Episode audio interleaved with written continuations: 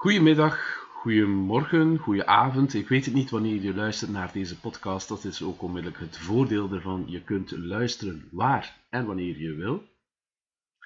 Ehm, maar, beste leerlingen van 5 TSO, welkom in jullie eerste podcastles, veronderstel ik. Je hebt voor deze podcast je boek nodig, dus neem dat er zeker bij. Zet eventjes op pauze als je nog niet hebt. En je moet ook al verbeterd hebben. Dus je moet de, de verbetersleutel die ik heb gegeven toegepast hebben op de oefeningen die ik jullie gegeven heb. Dat, dat is nodig. We gaan een deel van die oefeningen overlopen vandaag. Andere delen zullen voor een andere keer zijn. Dus um, ja, mocht je nog niet hebben verbeterd, mocht je de verbetersleutel nog niet hebben toegepast, dan is dat het eerste wat je moet doen. Ja? Goed, we gaan naar bladzijde 113. 113. Um, dus daar zie je het kruiswoordraadsel. Uh, het eerste woord is fungeren, staat er dienst doen, hè, een voorbeeldzin. Uh, hij fungeert als de leider in die groep. Um, het kan ook soms een bijbetekenis hebben van de vervanging zijn van. Dus dat kan zeker ook.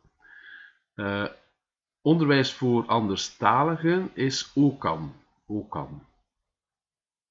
Um, ja, dat is een afkorting. Ik weet zelf niet eens precies meer waar die voor staat. Um, anderstalig Nederlands uh, is, zijn de twee. Uh, onderwijs is de eerste, die K weet ik eigenlijk niet precies. Goed, doet er niet zoveel toe. Je zorgt dat je gewoon het woord OCAN kent.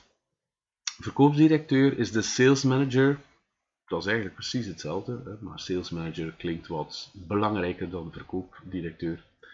Um, een klein verschil is een nuance. Um, ja, dat is een tamelijk goede omschrijving, klein verschil. nuance. Ik wil een nuance aanbrengen, ik wil een klein onderscheid, een klein verschil aanbrengen. Een detail eraan toevoegen is ook wel nuanceren. Meer details geven. Dus als dan het werkwoord nuanceren is meer details geven. Uh, als je zo'n dingen hoort en je wil het opschrijven, moet je maar gewoon eventjes op pauze zetten. Dat kan makkelijk met een podcast. Afzondering of isolement. Um, ja, niet zoals een voetbalploeg die in afzondering gaat. Hè. Uh, dat noem je niet een uh, isolement. Isolement betekent echt afgezonderd zijn van de wereld. Dat, dat is isolement. Um, een jaar zonder te werken is een sabbatjaar. Waar komt dat vandaan? De sabbat is de rustdag in de Joodse godsdienst. En ja, traditioneel doen Joden dan, de traditionele Joden, echt helemaal niks. Vandaar de term Sabbatjaar dan. Um, je zult af en toe wel eens een klik horen, uh, dat uh, wordt dan ook opgenomen in de podcast. Uh, dat is mijn computer natuurlijk. Ontspannend is diverterend, dat ken je normaal gezien van de tekstdoelen. Um, inwonend babysitten is uh, au pair.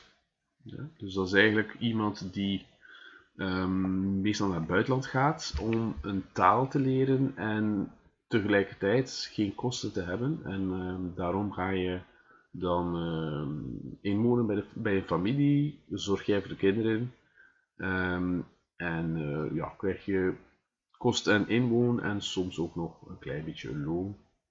Maar niet zoveel, omdat je natuurlijk al kosten en inwoon krijgt. Dus dat is een beetje het systeem van au pair. Um, dan een uh, georganiseerd gebeuren is een happening. Happening. Um, ja, dat is eigenlijk een goede uitleg. Een blokhut is een lodge. Lodge. Um, ja, dat is eigenlijk precies hetzelfde. Maar in het Engels dan natuurlijk. Hè.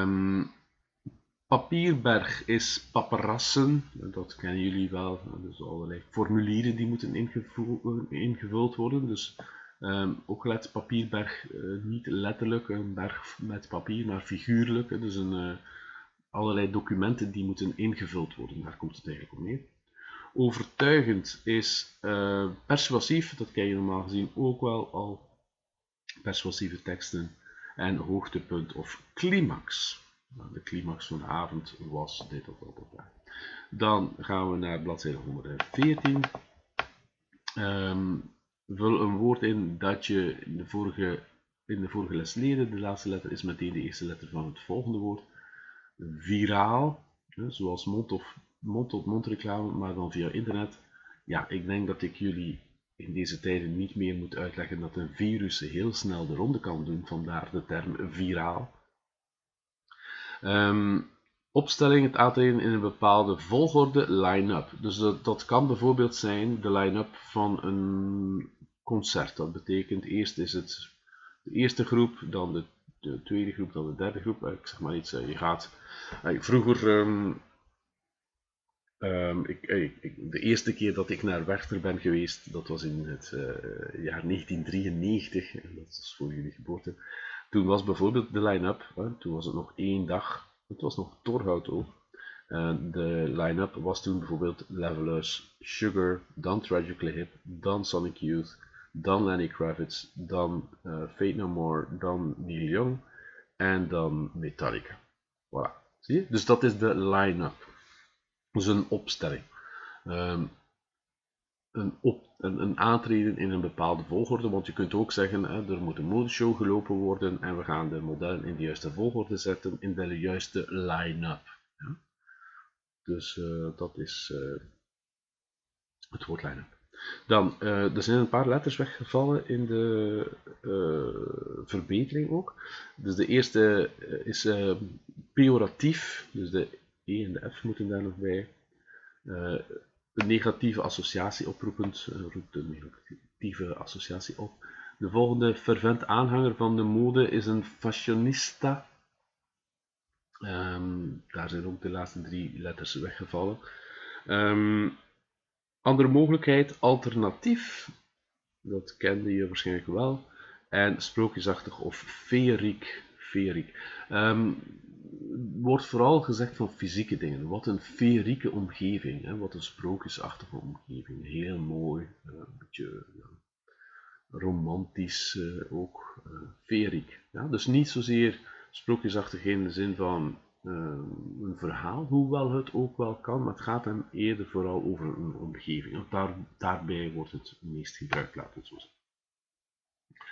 Dan de LED-combinaties, moeilijke keuze uit twee zaken, dilemma, dat denk ik wel dat je dat kent. Hè? Dus je moet kiezen dit of dat en dat is dan een dilemma als het een moeilijke keuze is.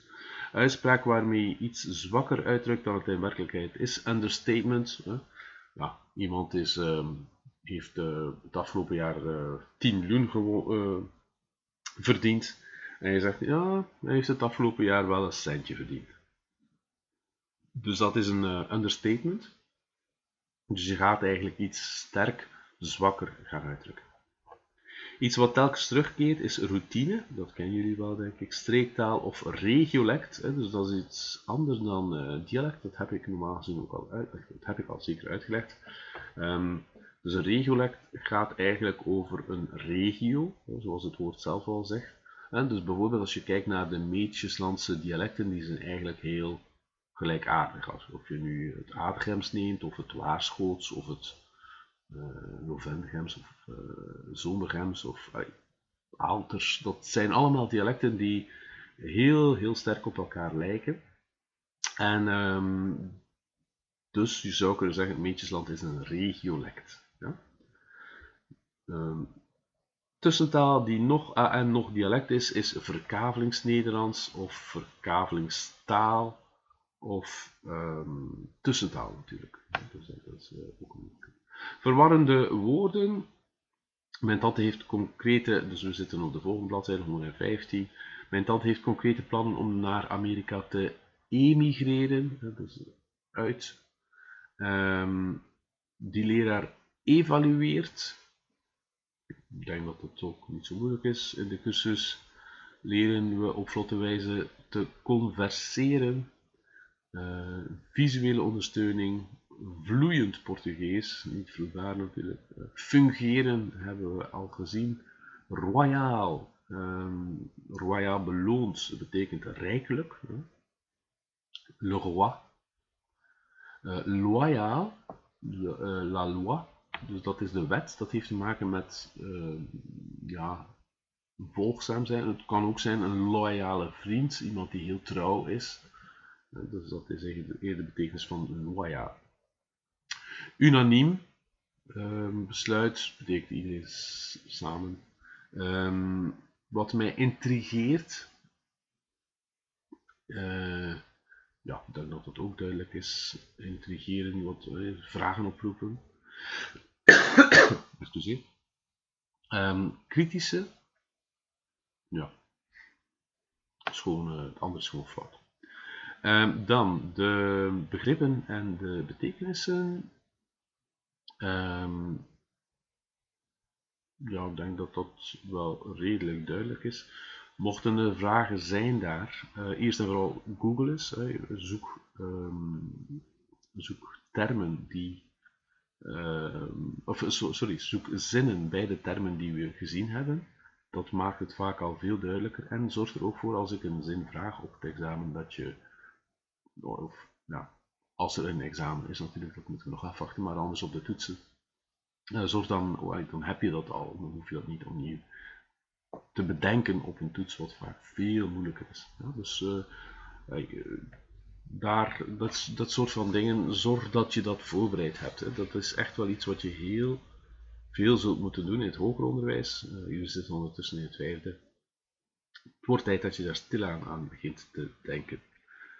Um, goed, dan een vicieuze cirkel. Dat komt van het Engelse woord vicious, betekent een ja, slechte uh, cirkel eigenlijk. Dus dat je steeds in een cirkeltje draait, een slechte cirkel van uh, bepaald probleem vaak.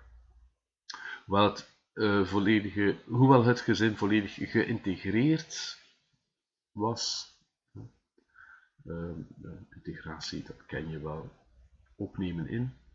Ehm, in kritieke toestand, daar zie je dat dat wel kan en dat is dan ook um, kritische is daar mis. Hè. Kritieke toestand, ja. dat is een vaste uitdrukking eigenlijk. Dus, uh, haar toestand evolueert van onrustwekkend naar stabiel. Uh, evolutie is verandering anoniem telefoontje. Ja, onbekend, dat weet je wel. Um, loyaliteitsscore. Ja, ik heb het al gezegd, dus trouw, trouw zijn. Um, vloeibare ecstasy. Ik denk dat dat wel duidelijk is wat dat is. Letterlijk, dus iets dat kan vloeien. Um, de volumeknop functioneert niet meer. Werkt niet meer. Suiker kan op diverse wijzen gebruikt worden als natuurlijke conserverende stof, dus met andere woorden, zorgt dat het uh, bewaart. Uh, in sommige steden vormt de toenemende immigratie uit andere culturen een heel belasting op de autochtone bevolking. Dus immigratie zijn mensen die binnenkomen. Autochtoon zijn mensen die uh, er al woonden. Dus dat is eigenlijk het verschil tussen die twee. De volgende bladzijden, uh, 117, 118, 119 denk ik, of uh, even checken, nee, het is 116, 117, 118. Um, ja, grotendeels uh, dicté en woordenschat. Um, ja, mochten daar vragen zijn, dan mag je die zeker stellen via Smart School. Dan beantwoord ik ze ofwel persoonlijk als ik denk dat het alleen voor jou interessant is, ofwel neem ik ze mee naar een uh, volgende podcast. Ik overweeg ook nog om eventueel eens een Zoom-sessie te doen, maar dat zien we nog wel of daar nood aan is. Uh, zal ook een beetje afhangen van de vragen. Mocht je uh, vragen hebben, niet twijfelen. Um, stuur ze maar. Uh, heel wat van jullie hebben dat al gedaan. Ik denk dat ik ook bijna altijd onmiddellijk geantwoord heb. Dus um, ja, niet twijfelen om vragen te stellen. Oké? Dan de volgende bladzijde, uh, bladzijde 119, gaat over het communicatieproces. Het eerste stukje, ja, dat is herhaling, dat heb je in principe al gezien in de eerste graad en zeker ook in de tweede graad. Um, dus je hebt een zender, je hebt een boodschap, je hebt een ontvanger. Um, je doet dat in een bepaalde code via een bepaald kanaal en er kan ook feedback komen van de ontvanger naar de zender. Goed, wat loopt er fout in de volgende situaties? Ehm, je kunt daar denk ik de verbetering wel zien. Um, dus ik denk niet dat daar een probleem is. Uh, dus de boodschap van de man is dubbelzinnig. Hij had moeten schrijven, gelieve mij niet te storen. Dus er zat ruis op de boodschap. Wanneer er ruis optreedt, dan is dat het gevolg daarvan dat er een verschil is tussen het bedoelde effect en feedback. Wat was het bedoelde effect? Ja, hij wil met rust gelaten worden. En welk feedback kreeg hij? Het omgekeerde, hij werd gestoord. Hij weet nu dat zijn boodschap anders overkomt. De tweede situatie. Um, ja, dan zie je een cartoontje. Wat is daar uh, fout gegaan? De ruis situeert zich um, in de code van de boodschap. Dus de mannen op de boot weten niet dat SOS een hulpkreet is. Um, dus ja. Wat was het bedoelde effect? Het is natuurlijk een cartoon, maar mocht dit echt zijn, um, ja, hulp krijgen. En welke feedback krijgt de uh, zender? Hij merkt dat het niet duidelijk is dat hij in nood is en zal dat anders moeten kenbaar maken ja goed, een beetje een uh, bij de haren getrokken voorbeeld. Maar wat. De volgende bladzijde. Um, heb je mijn sms niet gekregen? Uh, waar schuilt hier de ruis in het medium? De man heeft zijn boodschap per sms eh, gestuurd en de vrouw met bruine haren heeft die niet ontvangen. En dus je ziet daar ook ruis op het medium. Wat was vermoedelijk de boodschap ja, die gestuurd werd, het is uit, het is gedaan. Ik heb iemand anders. Welk effect wilde hij hiermee bereiken? Dat zijn ex hem niet meer zou opzoeken? Uh, of dat ze niet zou schrikken? Welke feedback krijgt hij? Ja, dat zijn boodschap niet is aangekomen bij ons. Tja, de koffieautomaat is stuk. De leerlingen zijn ingedommeld. Is er dan sprake van feedback aan de leraar? Ja, door te slapen tonen de leerlingen indirect dat de les te saai of te moeilijk was. Ja? Um, je ziet het tamelijk veel uitleg, maar terecht. Of dat ze erg vermoeid zijn door uh, andere activiteiten, eh, of eerdere activiteiten staat daar, maar er kunnen ook andere activiteiten thuis zijn enzovoort. Dus je krijgt wel degelijk een boodschap. Um, de directeur, staat daar dan, geeft ook feedback, maar zoekt de verklaring voor het falen van de les ergens. Nu, dit is natuurlijk een interpretatie waar, als je dit niet volledig zo hebt, dat is ook niet belangrijk. Wat is het belangrijkste hier? Dat ook als je bij wijze van spreken niet communiceert, communiceren. Dat is eigenlijk de belangrijkste boodschap hier. Dus het feit dat ze liggen te slapen is een vorm van communicatie. Wat ook de verklaring is, dat doet er eigenlijk niet toe, maar het is een vorm van communicatie. Um, dan de volgende bladzijde 122, uh, soorten communicatie. Um, daar, dus soorten communicatie. Um, de code waarin een boodschap geuit wordt hangt samen met de soort communicatie. Uh, naar de vorm, uh, dat is 2.1. Als je de taal gebruikt om je boodschap over te brengen, spreken we van verbale communicatie. Als je spreekt, heet dat mondelinge communicatie. Bij schriftelijke communicatie schrijf je de boodschap neer. Als je gebaren, prenten, tekens gebruikt, is dat non-verbale communicatie. Non-verbale communicatiemiddelen kunnen een boodschap doorgeven zonder dat er woorden aan te pas komen. Zoals in het volgende voorbeeld. Um, dus dit is uh, ja, iets wat op papier staat. We hebben al duidelijk gezien wat, dat er heel veel non-verbale communicatie is. Denk maar aan de spreekoefening. Welke boodschappen worden uitgebeeld? Ik denk dat dat niet zo moeilijk is. Um, hoe noemen we dit soort van symbolen? Pictogrammen. Dus dat zijn pictogrammen. Um, dat zijn gestandaardiseerde uh, ja, afbeeldingen die iedereen begrijpt. Ja? Um, wanneer is het aangegeven om een boodschap zo weer te geven? Ja, als, je het, als het snel duidelijk moet, moet zijn, of voor een internationaal publiek natuurlijk. Uh, welke boodschap lees je in de volgende afbeelding? ja, je ziet daar AIDS. Dus AIDS-preventie, gebruik een condoom. Uh, hoe noemen we dit soort van afbeelding cartoons? Meestal zijn non-verbale communicatiemiddelen een ondersteuning van schriftelijke of mondelinge communicatie. Mm, dat kan ook wel helemaal zelfstandig staan. Dus die meestal, ehm, ja, het gebeurt natuurlijk wel vaak, maar het is zeker niet uh, In welke context kunnen volgende afbeeldingen voorkomen? Ja, er staat een artikel over, afvalpreventie of afval. Ja, dat kan en dat zal inderdaad ook zo zijn. Uh, maar op zich kun je dat van een grafiek alleen niet aflezen natuurlijk. Logo van een bank, ING, uh, aardrijkskundeles. Dus dit zijn ook maar voorbeelden. Hè. Dus uh, er staat in welke context kunnen die, de volgende afbeeldingen voorkomen. Um, in welk opzicht is er in de volgende afbeelding een tegenstelling tussen de verbale en non-verbale communicatie? Uh, de jongen zegt dat het spannend is, maar hij leest helemaal niet. Hij wil enkel ontsnappen aan de vaat uh, dan naar de situatie, dus we hebben naar de vorm gehad, dan naar de situatie. Uh, de keuze van het medium hangt vaak af van de situatie. Formeel, zakelijk, communiceren in een professionele en of uh, officiële situatie. Dus bijvoorbeeld zakelijke brieven, e-mails, facturen, bestelbonnen, ehm, klachtenbrief enzovoort.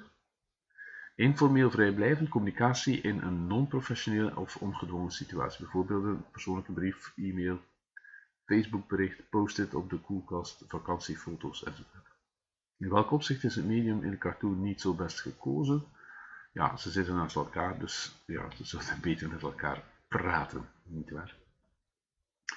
En dan de derde naar de ontvanger. Dus de situatie gaat eigenlijk over formeel of informeel uh, grotendeels. Of er tussenin, want ook dat gebeurt wel.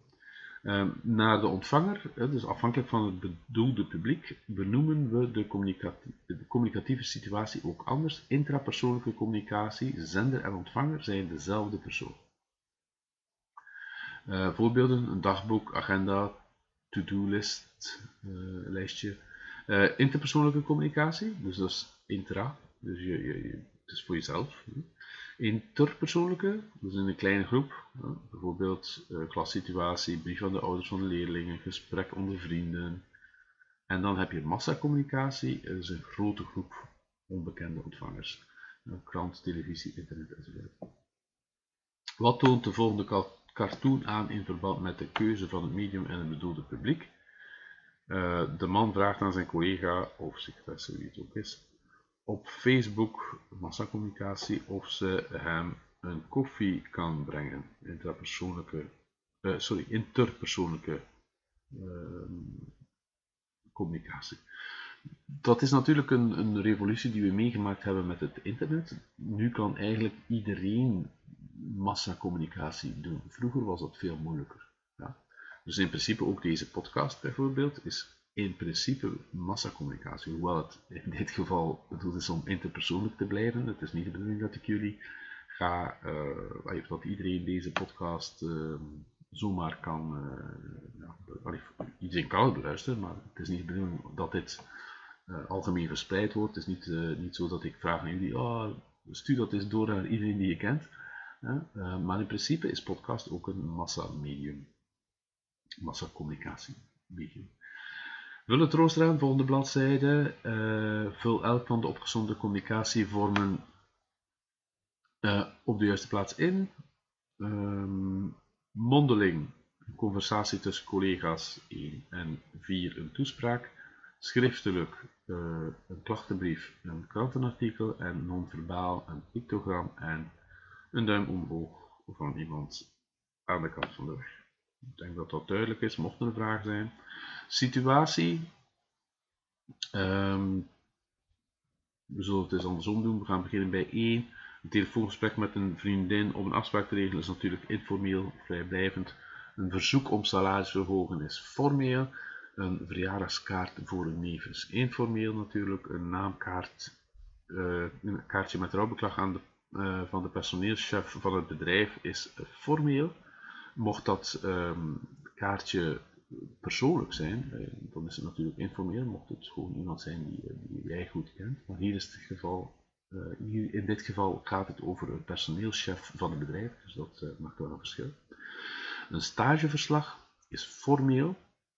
Een telefonische oproep aan de hulpdienst is ja, formeel in principe. Ja, hoewel daar is de communicatie sowieso belangrijker dan formeel of informeel. Ontvanger, een samenvatting van de leerstof die je leer, leraar op Smart School heeft gezet, is interpersoonlijke communicatie natuurlijk. Een interview is interpersoonlijke maar kan uitgewerkt worden uh, voor massacommunicatie. Um, een krantenartikel is massacommunicatie duidelijk. Een oproep van de voorzitter aan de leden van de tennisclub om het jaarlijkse tuinfeest bij te wonen is interpersoonlijke communicatie. Een persoonlijke agenda is intrapersoonlijke communicatie. Een documentaire op tv is massacommunicatie. Een tweet over de politieke actualiteit is massacommunicatie.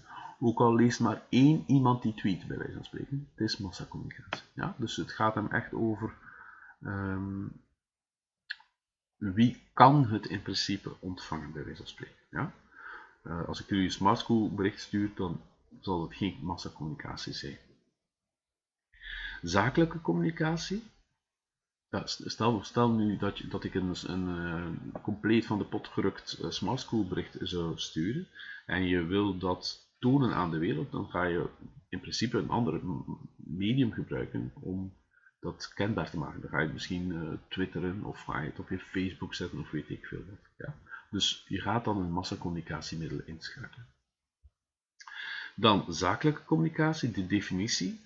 Um, je die kent, zakelijke communicatie is een vorm van communicatie die volgens vaste regels verloopt en een duidelijk voorafgesteld, uh, vooraf vastgelegd doel nastreeft. Of de communicatie tussen zender en ontvanger zakelijk of niet zakelijk verloopt, heeft vooral te maken met de afstand die er bestaat tussen twee partijen. Um, volgende bladzijde, we zitten ondertussen op bladzijde 128 nee, 26, sorry. Uh, hoe groter de afstand, hoe groter de kans op een zakelijke ontmoeting, hoe gerichter het doel, hoe groter het zakelijke karakter van de boodschap. Doel. In les 8 werk je al rond tekstdoelen. Ja, um, bla bla bla, je moet het maar lezen. Uh, de zender wil aan de in, uh, ontvanger informatie verstrekken, kennis en inzichten doorgeven, informatie vragen, kennis en inzichten verwerven. Zijn doel is dus informatief. Dus informatie, informatief. Overtuigen, persuasief, aansporen, activerend. In elke vorm van communicatie, dus ook in zakelijke communicatie, heeft één boodschap meestal meer dan één bedoeling. Dat is wel belangrijk. Bijna altijd is het zo dat je meer dan één eh, bedoeling hebt. Als je kijkt bijvoorbeeld naar een reclameboodschap, dat kan zijn om je te activeren om het product te, te kopen. Het kan ook zijn om je te overtuigen dat het een goed product is, bijvoorbeeld. Um, maar dat, die reclame zal ook um, informatie geven. Dus het is soms wel um, uh, alle drie. En dan moet je gewoon kijken wat is nu het belangrijkste.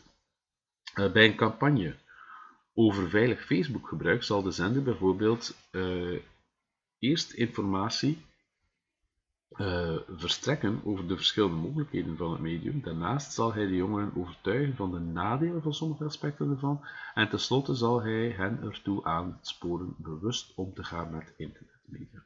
En dus dat, dat, dan zie je um, dat, dat die drie facetten er alle drie in zitten. En een beetje afhankelijk waar het meest nadruk wordt opgelegd, dat is dan het hoofd, uh, het hoofddoel van de tekst. Ja?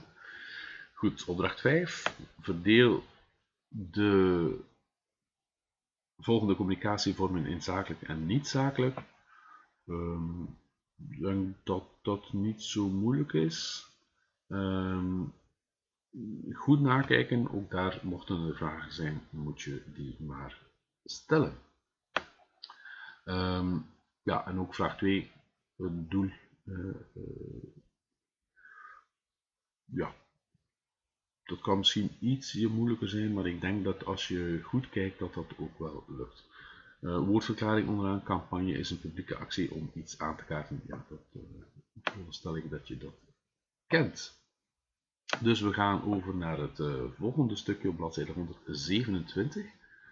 Um, en dat is de communicatiecriteria. Elke zender heeft met zijn boodschap dus een duidelijk doel voor ogen en wil dat ook zo snel mogelijk bereiken. Daarom moet de communicatie aan een aantal criteria voldoen. Onze dagelijkse communicatie moeten we, in onze dagelijkse communicatie moeten we altijd streven naar duidelijkheid, gepastheid, correctheid en aantrekkelijkheid. Een overzicht van de communicatiecriteria vind je ook in het compendium. Dus dat is achteraan in je boek. Um, duidelijkheid. Lees onderstaande bijsluiter, van een geneesmiddel. Ja, die zijn zeer bekend omdat ze meestal niet zo duidelijk zijn. Um, 127, dus gaan we naar 128.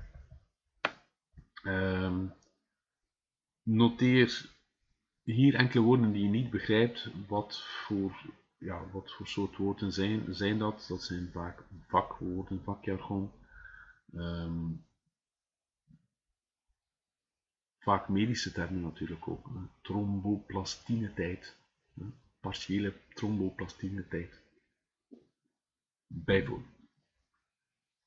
Wat je wil meedelen, dat, trouwens, uh, bijsluiters zouden echt veel beter moeten geschreven worden, zodat mensen ze ook begrijpen.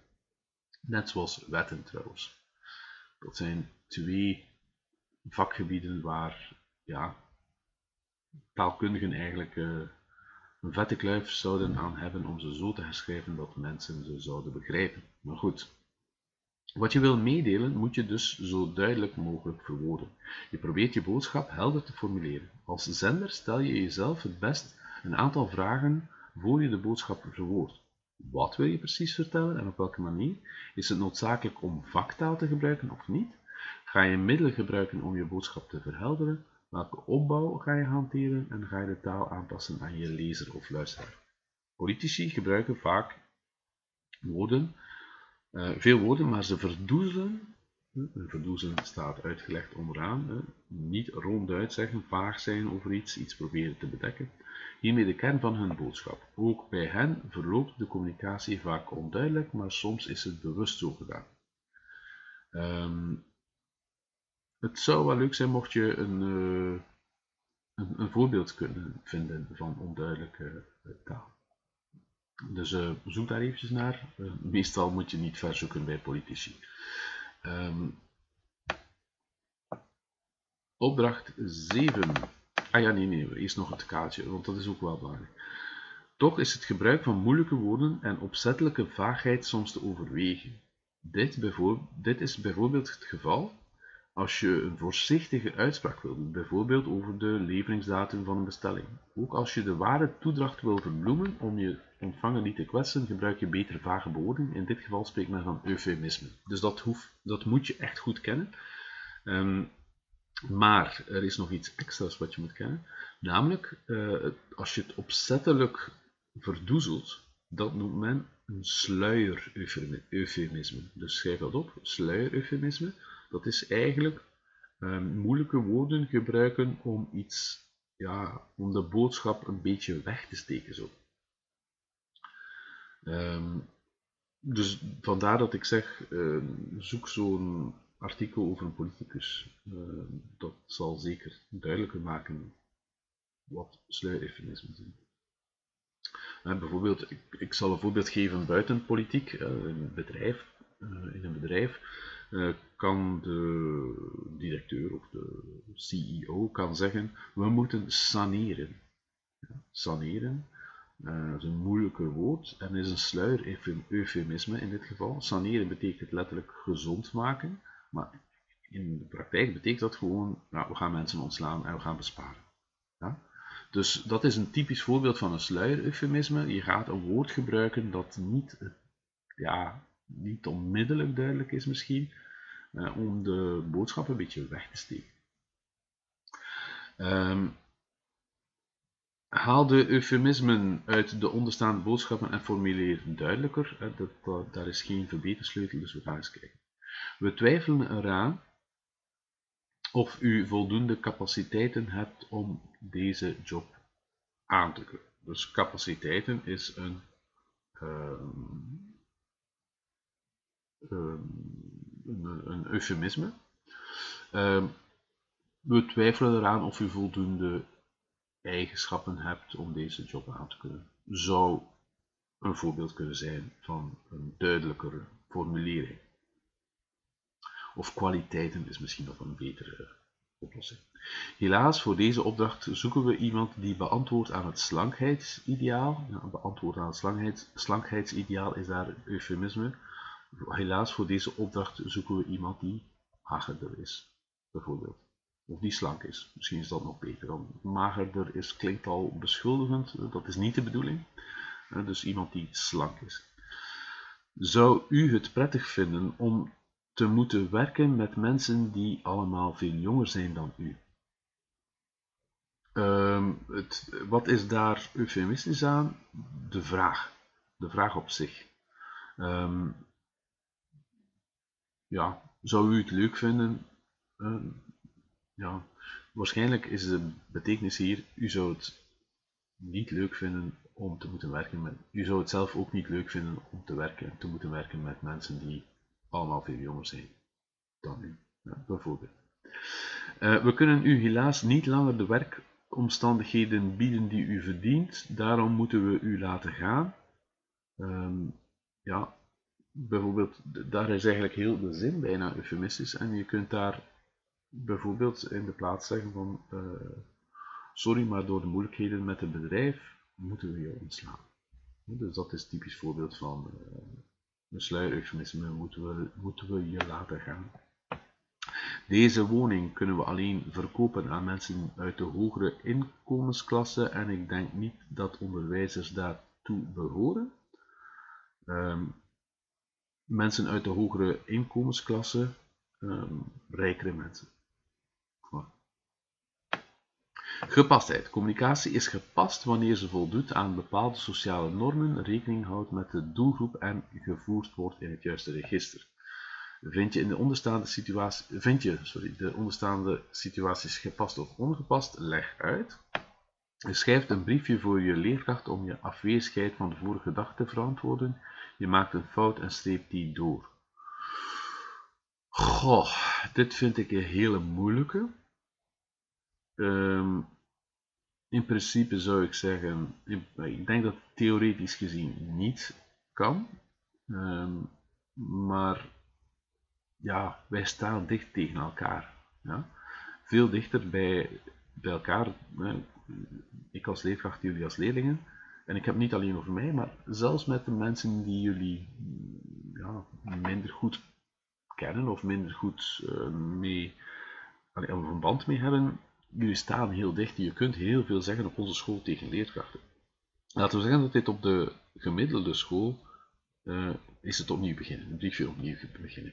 Bij ons zal het geen probleem zijn. Bij de directeur daarentegen zou ik het dan wel doen. Zou ik wel opnieuw dat woord schrijven. Even, zou ik het briefje opnieuw beginnen schrijven. Ja, dus ja, gepastheid is vaak ook afhankelijk van de contexten. Tijdens de kermis in je dorp ontmoet je je directeur. Je gaat meteen naar hem toe, schudt hem de hand, geeft hem een schouderklopje en spreekt hem aan met de voornaam. Ja, dat is natuurlijk, natuurlijk niet gepast. Dat wist je wel. Tijdens een toets wil je een ander kladblad. Je steekt je hand op en zegt tegen de lerares met toezicht: blad.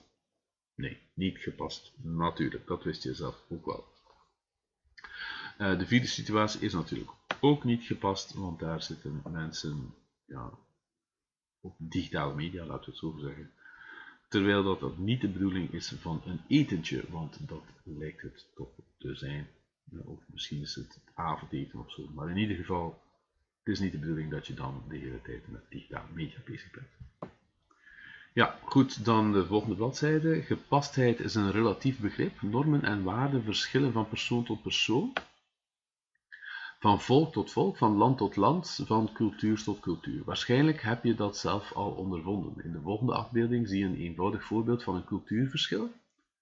Ongetwijfeld ken je zelf ook zulke voorbeelden. Ja, ik denk dat, dat, Japanse, dat die Japanse vorm van groeten misschien nu ook wel bij ons ingang zal krijgen. We zullen moeten zien hoe dat uh, gaat. Um, uh, ik geef een voorbeeld. In Griekenland bijvoorbeeld uh, schudt men het hoofd van nee als men ja bedoelt. Dus dat is bijvoorbeeld een duidelijk cultureel verschil. Um, zo zijn er nog veel voorbeelden. Probeer zelf ook één op te schrijven. Correctheid. Geschreven teksten moeten voldoen aan de eisen van de grammatica, de spelling en de tekstopbouw. Ook inhoudelijk moet de informatie juist en volledig zijn. Je moet heel nauwkeurig verwijzen naar de bronnen die je hebt geraadpleegd. En dit blijft echt wel een probleem. Je moet nauwkeurig verwijzen naar de bron die je hebt geraadpleegd. Kijk, veel leerlingen denken dat als ze hun bronnen niet vermelden, dat dat beter overkomt. Het tegendeel is waar. Hoe meer bronnen je kunt vermelden, hoe beter je werk wordt aanzien. Um, het is al zo, in, uh, wetenschappelijk schrijven, er zijn soms honderden bronnen. En hoe meer er zijn, hoe beter die tekst wordt gezien. Dus probeer daar echt op te letten. Ook voor volgend jaar, voor je GIP, hè, alles wat je gebruikt, schrijf dat op, want het is een bron. Als je iets hoort op tv, schrijf dat op. Uh, dat programma, die dag, uh, dat uur, die zender. Um, want het is een bron als je daar iets uit gebruikt. Natuurlijk, geen bron vermelden als iets algemeen geweten is. Je hoeft niet te zeggen, um, een verkeerslicht heeft een, uh, een, rood, een oranje en een groen licht. En dan een bron. Ja, bedoel, tuurlijk, dat weet iedereen. Dan hoef je geen bron te vermelden. Maar bij specifiekere kennis die, je nog niet, die jij nog niet wist, waarvan je denkt van, hm, heel veel mensen zullen dit niet weten, dan vermeld je de bron. Ja? Dat is echt wel belangrijk. Voorspelling gebruik je het groene boekje. Ja, ik heb dat al gezegd. www.woordenlijst.org, gratis, online, dus geen excuses uh, als je moet schrijven. Ook mondelinge communicatie moet verzorgd worden. Je gebruikt standaard Nederlands, of toch zoveel mogelijk. Je kiest de juiste woorden en je verzorgt je zinsbouw. Je lessen Nederlands helpen je om zo correct mogelijk te communiceren. Wat vind jij het moeilijkst wat betreft correct Nederlands. Schrijf het maar op. Ik denk dat hier een paar mensen zullen opschrijven uitspraak. Niet waar, Mauro? Aantrekkelijkheid. Aantrekkelijkheid heeft in de eerste plaats te maken met een vorm, met vorm. Een pagina die barstensvol tekst staat, nodigt niet uit tot lezen. En ook dit blijft een probleem, hoewel ik dat al zo vaak benadrukt heb. Je moet, moet, moet alinea's gebruiken met een witregel ertussen. Dus zorg voor voldoende marges en witregels. Zet bepaalde essentiële zaken in het vet. Ah, dat, daar ben ik niet zo'n voorstander van. Breng af en toe, dat kan wel eens. Kijk, stel dat je een rapport moet schrijven voor iemand, ehm, voor je baas, en die moet dat snel kunnen lezen, dan is het zeer goed om ook een aantal dingen in het vet te zetten. Maar voor leerkrachten die verondersteld worden alles te lezen, is dat eigenlijk niet goed. Dus dat zou ik dan niet doen. Breng af en toe een gepaste illustratie aan. Ja, ja, graag, dat mag. Dat, uh, lucht, dat maakt je tekst luchtiger. Zo motiveer je de lezer om te lezen. Tijdens het spreken praat je zo duidelijk en helder mogelijk. Spreek mooi Nederlands, pas je tempo en volume aan, je omgeving aan, verzorg ook je uiterlijk je moet praten. Dat heb ik ook al gezegd, hè, sjaals uit en zo. Uh, toehoorders worden vaak afgeleid door wat ze zien en missen daardoor soms een belangrijk stuk informatie. Nou, dat is de bottom line, heb ik ook al gezegd. Dat is het belangrijkste uh, bij um, uh, non-verbale houding, zal ik maar zeggen. Het mag niet afleiden van de boodschap. Goed, uh, aan welke communicatiecriterium wordt niet voldaan in de volgende voorbeelden? De communicatie, bij het eerste voorbeeld, de communicatie is niet effectief. Er staat niet bij waar en wanneer het feest doorgaat. Ja, dat is nogal belangrijk, niet waar? Als je een feest geeft. Um, dan um, twee, de ruis zit in de code, die is niet aangepast aan het publiek. Dus uh, het wel duidelijk is. Ehm, een drie kwartier durende voordracht over hedendaagse kantoormeubelen zonder enige illustratie, niet aantrekkelijk, publiek, publiek kan er zich niks bij voorstellen. Een factuur waarin de beloofde korting niet wordt verrekend. Uh, ja, dat is niet correct. De zender houdt zich niet aan zijn belofte, dus dat eh, mag je nooit doen. Um, een brief aan je vriend of vriendin met als slotformule met de meeste hoogachting, niet gepast, het uh, verkeerde taalregister. Een volgetypt cursusblad zonder kopjes of witregels, niet aantrekkelijk. Het zet niet aan tot lezen.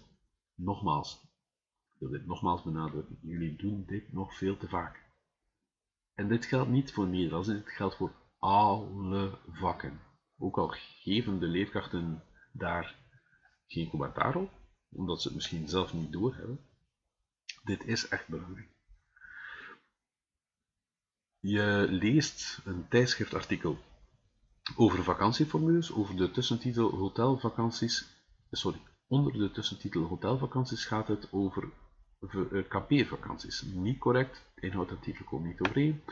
In een radioprogramma wordt een Engelse zakenman geïnterviewd. Het gesprek wordt volledig in het Engels gevoerd en er wordt niks vertaald. Niet duidelijk, niet alle toehoorders zullen het gesprek begrijpen. Ja, hoewel Engels meer en meer, een, uh, ja, heb ik ook al vaker gezegd, een lingua franca is geworden en dus de kennis van het Engels is veel groter geworden. Wat doe je best als je een lang interview hebt met een Engelsman bijvoorbeeld of met een Amerikaan? Je gaat dan best het interview integraal laten horen of een groot stuk laten horen en dan af en toe eens een uh, hele korte samenvatting met één of twee zinnen na, ik zeg maar iets, na twee minuutjes of, of na een minuutje of zo. Beoordeel de effectiviteit van de volgende fragmenten. Tegen welk communicatiecriterium wordt er gezondigd? Herschrijf indien nodig. U hebt onze folder echt niet goed gelezen, anders zou u weten dat de leveringsdatum van deze fruitbomen niet exact kan vastgesteld worden. Ja. Dit is niet beleefd, het is onbeleefd, dus niet gepast.